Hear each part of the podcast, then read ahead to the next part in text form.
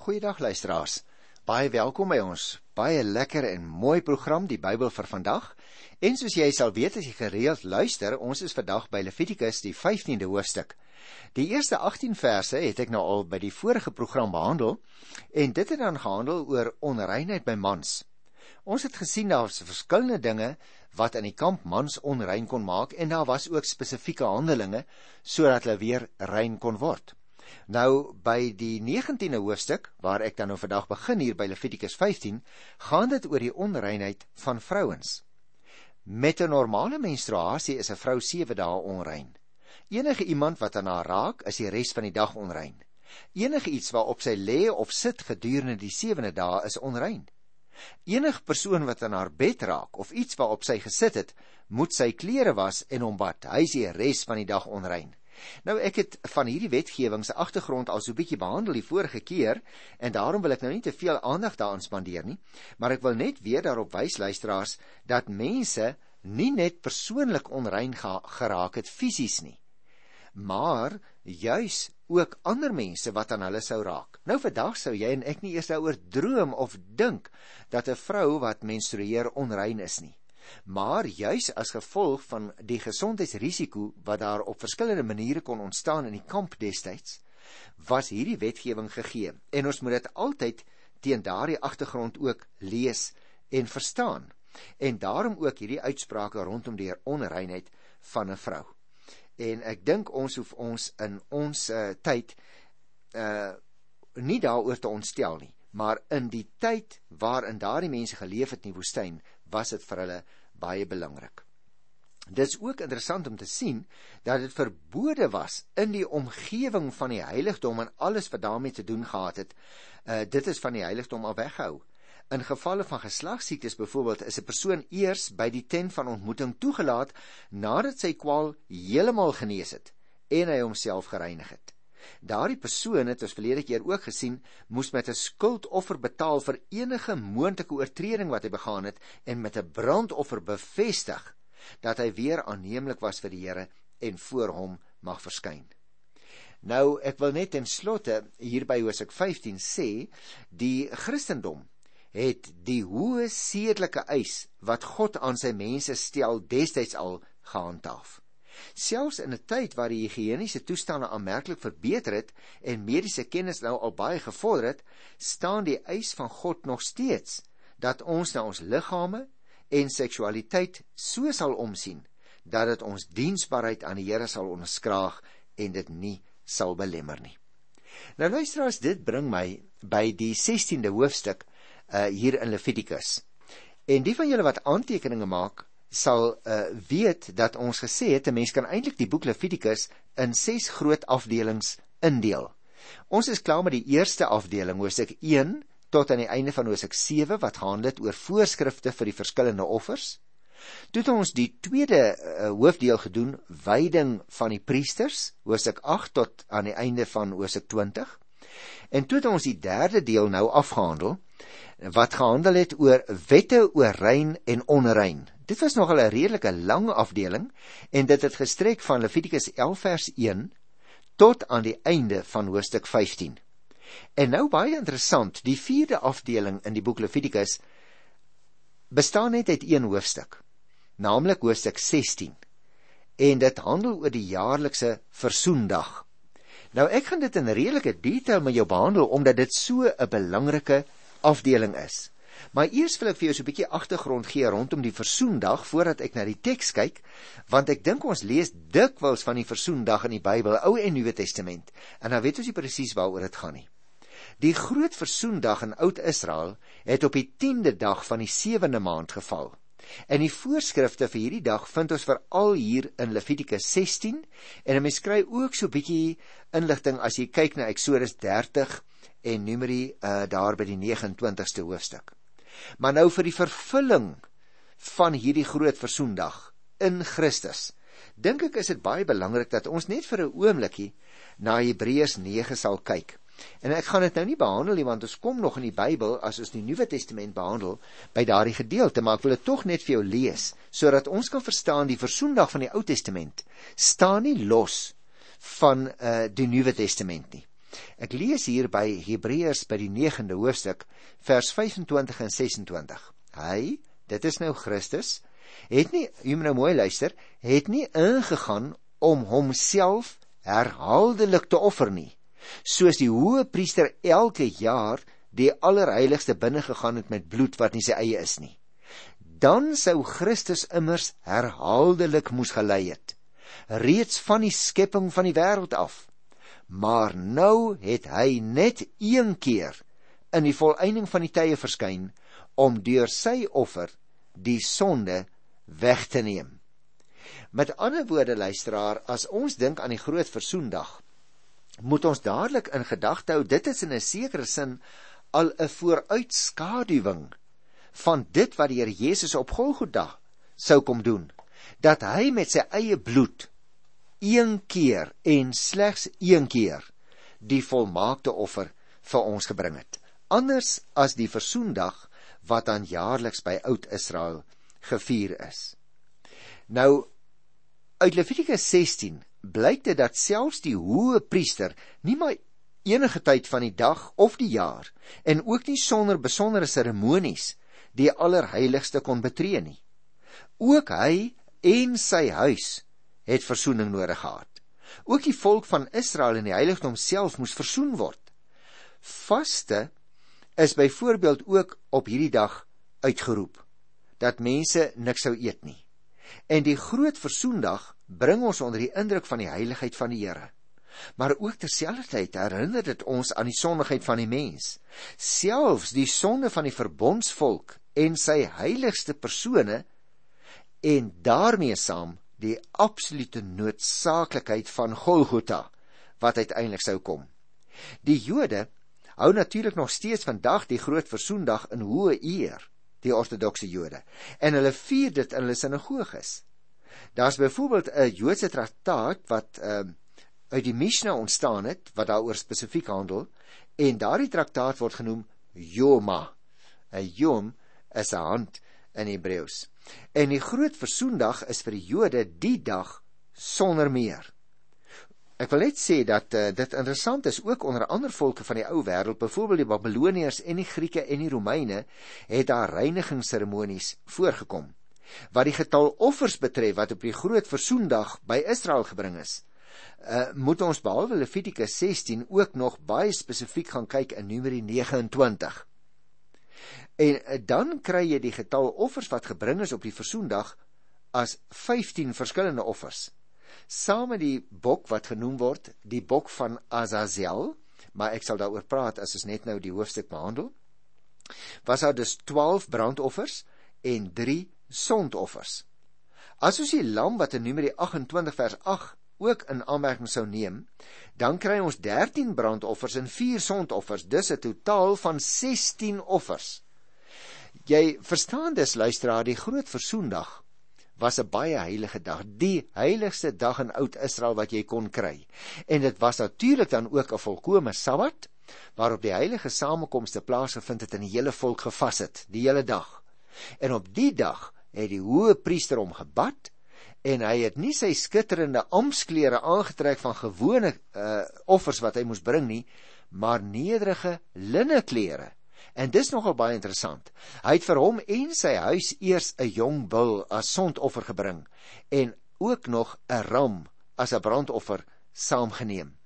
Nou van die vergadering van die Israeliete het hy uh, twee bokke as sondoffer en een ram as 'n brandoffer gevat. Die twee bokke is by die ingang van die tent van samekoms gestel en die lot is oor hulle gewerp. Een vir die Here en een vir Azazel. Die bok wat deur die lot aan die Here toegewys is, moes as 'n sondoffer geoffer word. Maar die bok vir Azazel is lewendig voor die Here gestel om oor hom verzoening te bewerk. Dit wil sê om hom te wy vir die doel wat daar in Levitikus 16 van vers 20 tot 22 beskrywe is en daarna na Azazel in die woestyn toe gestuur word. Ek gaan net nou nog so 'n bietjie oor hierdie bok vir Azazel gesels want dit is 'n baie interessante handeling wat hy moes uitvoer. Maar uiteindelik ook het die hoë priester van die bloed rondom die horings van die brandofferaltaar gestryk en sewe maal daarop gesprinkel. En dan eers het hy die lewende bok voor die brandofferaltaar geplaas en albei sy hande op die kop van die bok gelê. Hy het belydenis daaroor gedoen van al die ongeregtighede van die Israeliete, van al hulle oortredinge ook en die sinnebeeldig op die kop van die bok gelê en om deur 'n man wat daarvoor gereed gestaan het aan die woestyn laat neem. Die man moes dan uiteindelik die bok in die woestyn los. Die latere gewoonte was dat die man die bok van 'n hoë rots afgegooi het en hom op daai manier te pletter laat val het. Jy kan dus na hakies uh van hierdie wegstuur van die bok na die woestyn toe lees in Psalm 103 vers 12. Sover as die ooste verwyder is van die weste, so ver verwyder die Here ook ons oortredinge van ons af. En daarna het die hoë priester in die tent van samekoms ingegaan, die linneklere uitgetrek en dit daar neergelê. En dan het hy hom gebad, weer sy gewone ampsklere aangetrek en albei die ramme as brandoffers in die voorhof geoffer en so vir hom en die volk verzoening gedoen. Die sondofferbul en die sondofferbok is buitekant die laar uitgebring en hulle velle, hulle vleis en hulle mis is daar verbrand. Dis nagies die persoon wat hulle verbrand het. Net soos die man wat die lewende bok na die woestyn toe moes bring, moes hy klere was en homself ook persoonlik bad. Waarskynlik is die feesoffer wat in Numeri 29 genoem word, daarna eers gebring. So dit is so bietjie terwille van die agtergrond van hierdie gedeelte. En nou gaan ek kyk na die teks van Levitikus 16, die jaarlikse versoening. Nou luisteraars, voor ek miskien by die eerste versie begin, wil ek ook nog net uh, dit vir jou sê want ek is bang ek vergeet dit later. Die tent van ontmoeting was die plek waar God teenwoordig was om sy volk te ontmoet. Dit moet jy en ek nooit vergeet nie. En daarom was daar so spesifieke voorskrifte vir die hoë priester, juis vir die groot dag van die versoening. Want as hy nie die nodige eerbied aan God sou betoon nie, dan kon hy nie as hoë priester daar in die allerheiligste ingaan nie. Sy verkeerde optrede kon die hele volk benadeel en hulle in 'n baie diep moeilikheid by die Here bring. En om hierdie skrikwekkende moontlikheid vir die jaar wat voor lê teen te gaan, laat die Here nou deur Moses die jaarlikse versoendag instel. En op hierdie dag word die priesters en ook weer die hele volk opnuut aan God gewy. En dit geskied dan deur die twee tipe offers te bring een soort wat al die skuld bedek en 'n ander soort offers wat al die skuld wegdra dat dit nooit weer gesien kan word nie. Kom ek lees nou die eerste 2 verse. Aaron se twee seuns het gesterf toe hulle offer aan die Here wou bring. En na aanleiding daarvan het die Here vir Moses 'n opdrag gegee. Hy het vir Moses gesê: "Sê vir jou broer Aaron, hy mag nooit sommer in die heiligdom agter die voorhang sal ingaan na die deksel van die verbondsark toe nie." Ek verskyn telkens in 'n wolk bo kan die deksel van die ark en as Aaron sommer maar net ingaan, sal hy sterwe. Nou die dood van Nadab en Abihu, jy onthou luisteraar, ons het nog daaroor gepraat ons dit teëgekom het in Levitikus 10, het nie net die belang van die onderskeid tussen rein en onrein onderstreep nie, maar ook die reinheidsvoorskrifte noodsaaklik gemaak. En hulle ongeloofde wierookoffer en die oordeel van God oor hulle destyds het ook gewys dat God absoluut heilig en verhewe is, dat hy die sonde en ongehoorsaamheid straf en dat 'n mens daarom in lewensgevaar verkeer as jy in die heilige God se teenwoordigheid sou kom. En dit bring my nou by Levitikus 16 van die 3de vers af en ek gaan reg deur lees tot by vers 10. Ek wil dit nie graag onderbreek nie.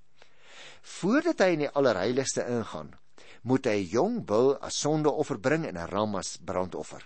Verder moet hy die gewyde klere van 'n gewone priester aan hê, oor 'n broek en hy moet 'n serp om sy lyf en 'n tulband op sy kop hê. Dit moet alles gewyde linneklere wees. Hy moet hom was voor hy dit aantrek. Van die gemeente Israel moet hy twee bokramme en 'n sondeoffer kry en een skaapram as brandoffer dit is die twee offers waarvan ek net nou gepraat het, né? 'n Brandoffer aan die Here en 'n sondeoffer ter wille van die volk. Vers 6. Hy offer dan eers die bul wat vir hom bedoel is as 'n sondeoffer, sodat hy verzoening kan doen vir homself en al die priesters. Daarna bring hy die twee bokke na die ingang van die tent van ontmoeting toe in die teenwoordigheid van die Here. Hier moet Aaron loetjies trek oor die bokke. Die een loetjie moet gemerk wees vir die Here en die ander een vir Azazel. Aaron moet dan die bok vir die Here geloot word as 'n sondeoffer offer. Die bok wat vir Azazel geloot is, moet moet bly lewe. Die bok moet in die teenwoordigheid van die Here bly staan sodat Aaron die versoeningshandeling daarop kan verrig. En daarna moet die bok die woestyn ingestuur word vir Azazel. Nou luisteraars, ek het jou beloof ek gaan so 'n bietjie hieroor gesels, maar kom ons doen dit versie vir versie, dan is daar dan so 'n klein bietjie meer orde, né? Die seremonie wat Aaron as die e-, eerste hoë priester wat aangestel is, nou hier moet verrig en wat op hierdie spesifieke dag moet plaasvind, het dan uit verskillende handelings bestaan. Die hoë priester, soos ons nou net gelees in vers 3 tot 10, moes in die eerste plek vir homself skoonmaak en die klere van 'n gewone priester aantrek. En dan eers gaan hy in die allerheiligste in om boete te doen vir die sondes van die volk sodat hy hulle met God kon versoen. Met die offerbloed van die bul moes hy eers sy eie sonde dan ook die sonde van die priesters kan ek die woord gebruik bedek daarnaas is eers twee bokramme op die versoendag geoffer by die offer van die eerste bok is die sondes van die volk vergewe die tweede bok dan is in die woestyn losgelaat as die teken dat die Here die volk se skuld weggeneem het nou wil ek net dadelik sê dit is nie meer vir ons presies duidelik wat die naam Azazel beteken het nie Die bedoeling daarvan is egter baie duidelik. Die hoëpriester lê sy hand op die kop van die bok en dra so die skuld van die volk, die hele volk oor op die kop van die bok. En die bok dra dan die skuld van die volk as dit ware weg wanneer hy die woestyn ingejaag word om nooit weer gesien te word nie. Nou luisteraars, juis omdat ons nie presies die inhoud ken nie en nie 'n ander woord het nie, vertaal die Bybelvertalers ook hierdie bok van Azazel gewoon in Afrikaans met die woordjie Azazel. As jy egter na ander vertalings gaan kyk, dan sê jy soms die woord weggaande bok teekom vir Azazel. En ek dink dit verteenwoordig uh, die voorkeur. Die gedagte is dat die bok weggejaag word in die woestyn in. Maar ek wil net uh, 'n billikheidshalwe sê tog verklaar sommige Azazel soos volg om te verwyder, naamlik die sonde en die onreinheid van die volk. Maar wat na my mening uh, die deurslag gee as ons aan hierdie woordjie Azazel kyk as 'n eie naam, is dat dit in Levitikus 16 vers 8 gebruik word as 'n teestelling vir die Here. Met ander woorde teenoor die heiligheid van die Here staan Azazel, naamlik sonde, wat in Hebreëus voorkom as 'n eie naam. Daarom lyk dit vir my die Afrikaanse vertalers het baie goed gedoen toe hulle juis hierdie woordjie Azazel as 'n eie naam behou het, want ons het nie 'n ander naam in Hebreëus wat vir ons 'n aanduiding kan gee wat dit werklik kan beteken nie. En daarom moet ons ook nie dink ek aan 'n pleknaam dink nie, maar aan die naam van 'n wese. En dan lê die gedagte aan 'n woestynduiwel soos 'n demoon of 'n bose gees eintlik vir 'n mens voor die hand as jy dink aan die konteks van daardie mense. Want hulle moes verstaan teenoor die heiligheid van God staan die onheiligheid byvoorbeeld van die demone of van die veldgeeste. En ons moet ook gedagte hou hulle was bekend met daardie soort van bygeloof van mense. Hulle kom per slot van sake uit Egipte land met sy veel godedom. En daarom eh, is hier geen sprake daarvan dat hier 'n offer gebring word aan hierdie demoon of afgode nie, maar leef, liewer uh, is hier in lyk vir my lê die gevoel van 'n smaad wat hom aangedoen word deur 'n bok na hom toe te stuur wat op sinne beeldige wyse met die sonde van Israel belaai is. Dit gaan dus nie oor 'n offer wat hierdie mense gestuur het na iemand of iets of na 'n godheid in die woestyn nie, maar dit was 'n teken van smaad wat hulle uitgejaag het in die woestyn en met sonde belaai. En hy vrek uiteindelik dan nou in die woestyn. En die voorstelling is dan ook dat die sonde tuis hoort by die demone van die woestyn. En dan ook nie verkeerdelik nie, word hier aan die Satan gedink in sommige kommentare. Wat die naam beteken presies is uiteindelik vir jou en vir my nie finaal duidelik nie. Dit het ek net nou gesê. Nou maar goed. Kom ons laat nou die bok van Azazel daar. Ek dink dit is die meeste wat oor ons uh, wat ons oor hom kan sê en dit bring my dan by Levitikus die 16de hoofstuk van die 11de vers af. Kom ons lees weer so 'n paar van daardie verse. Wanneer Aaron die sondeofferbul offer wat vir homself bedoel is en waarmee hy vir homself en al die priesters verzoening doen, moet hy die bul slag en moet hy 'n vuurpan vol maak met gloeiende kole van die altaar af wat in die teenwoordigheid van die Here staan. Aaron moet ook 'n dubbele handvol fyn gestampte wierook vat en daarmee agter die voorhangsel ingaan. En daar in die teenwoordigheid van die Here moet hy dan die wierook op die kole gooi sodat dit 'n rookwolk maak wat die deksel van die ark bedek waarin die getuienis is. Dan sal hy nie sterf nie. Nou jy kan gerus verder gaan lees uh hier van vers 11 af tot by vers 19. Maar sommige van daardie dinge ken ons nou al en daarom wil ek net so bietjie handel oor die agtergrond daarvan.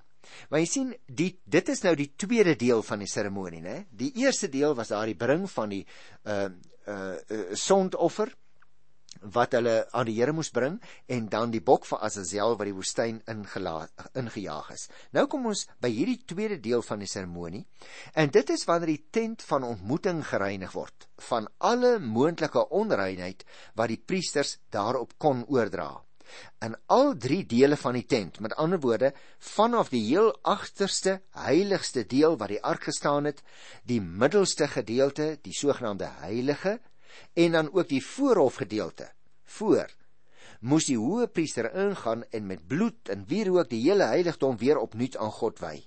En so is die sondes van die priesters en die volk wat op die heiligdom oorgedra kon word bedek en is almal weer met God versoen en is die heiligdom ook weer gereinig. En daarom onthou bietjie luisteraar, die groot versoeningsgeleentheid eenmaal per jaar was bedoel om die hoë priester en die priesters en die volk se onreinhede en sondes by die heilige God te versoen en so sy oordeel van hulle af te wend. En op hierdie besondere dag moes daar dan hoofsaaklik twee handelinge uitgevoer word. Die eerste plek die dele van die heiligdom wat dalk verontreinig was, moes gereinig word en dan ook die tweede deel waaroor ek nou net gepraat het. En dit bring my dan by die laaste gedeelte hier van vers 20 af. Nadat Aaron die allerheiligste, die tent van ontmoeting en die altaar gereinig het, moet hy die lewende bok nader bring. Terwyl hy dan sy twee hande op die kop van die bok lê, moet hy al die oortredinge en die opstandigheid, al die sondes van die Israeliete daarbo oor die bok bely. Sodoende sal hy die sonde op die kop van die bok oordra. Iemand wat beskikbaar is, moet dan die bok die woestyn injaag. En so sal die bok al hulle sondes met hom saamdra en na onherbergsame streek toe en daar in die woestyn moet hy agtergelaat word. Nou daarom was dit sal jy nou verstaan nodig dat ons so 'n bietjie indringend moes gesels oor uh, wat alles gesê word rondom die gedagte van die bok vir van Azazel. In hierdie derde gedeelte dan van die plegtigheid is die sonde van die volk bo op die bok van Azazel oorgedra sodat hy dit kon wegdra in die woestyn in as ek nou so 'n bietjie met woorde mag speel. En as blyk van die versoening met God wat nou voltrek is, moet die hoë priester en die ander persone dan wat meegehelp het om die offers te bring, hulle self gaan was.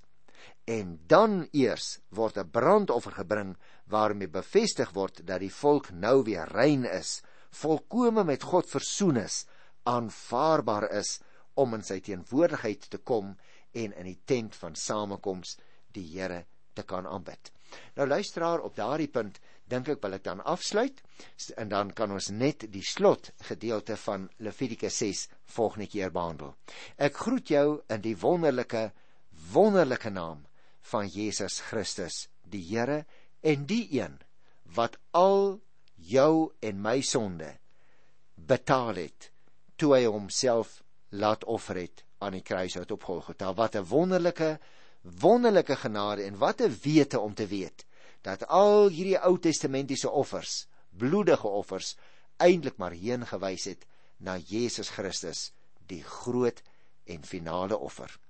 Ek groet jou in sy wonderlike naam tot volgende keer en tot dan. Totsiens.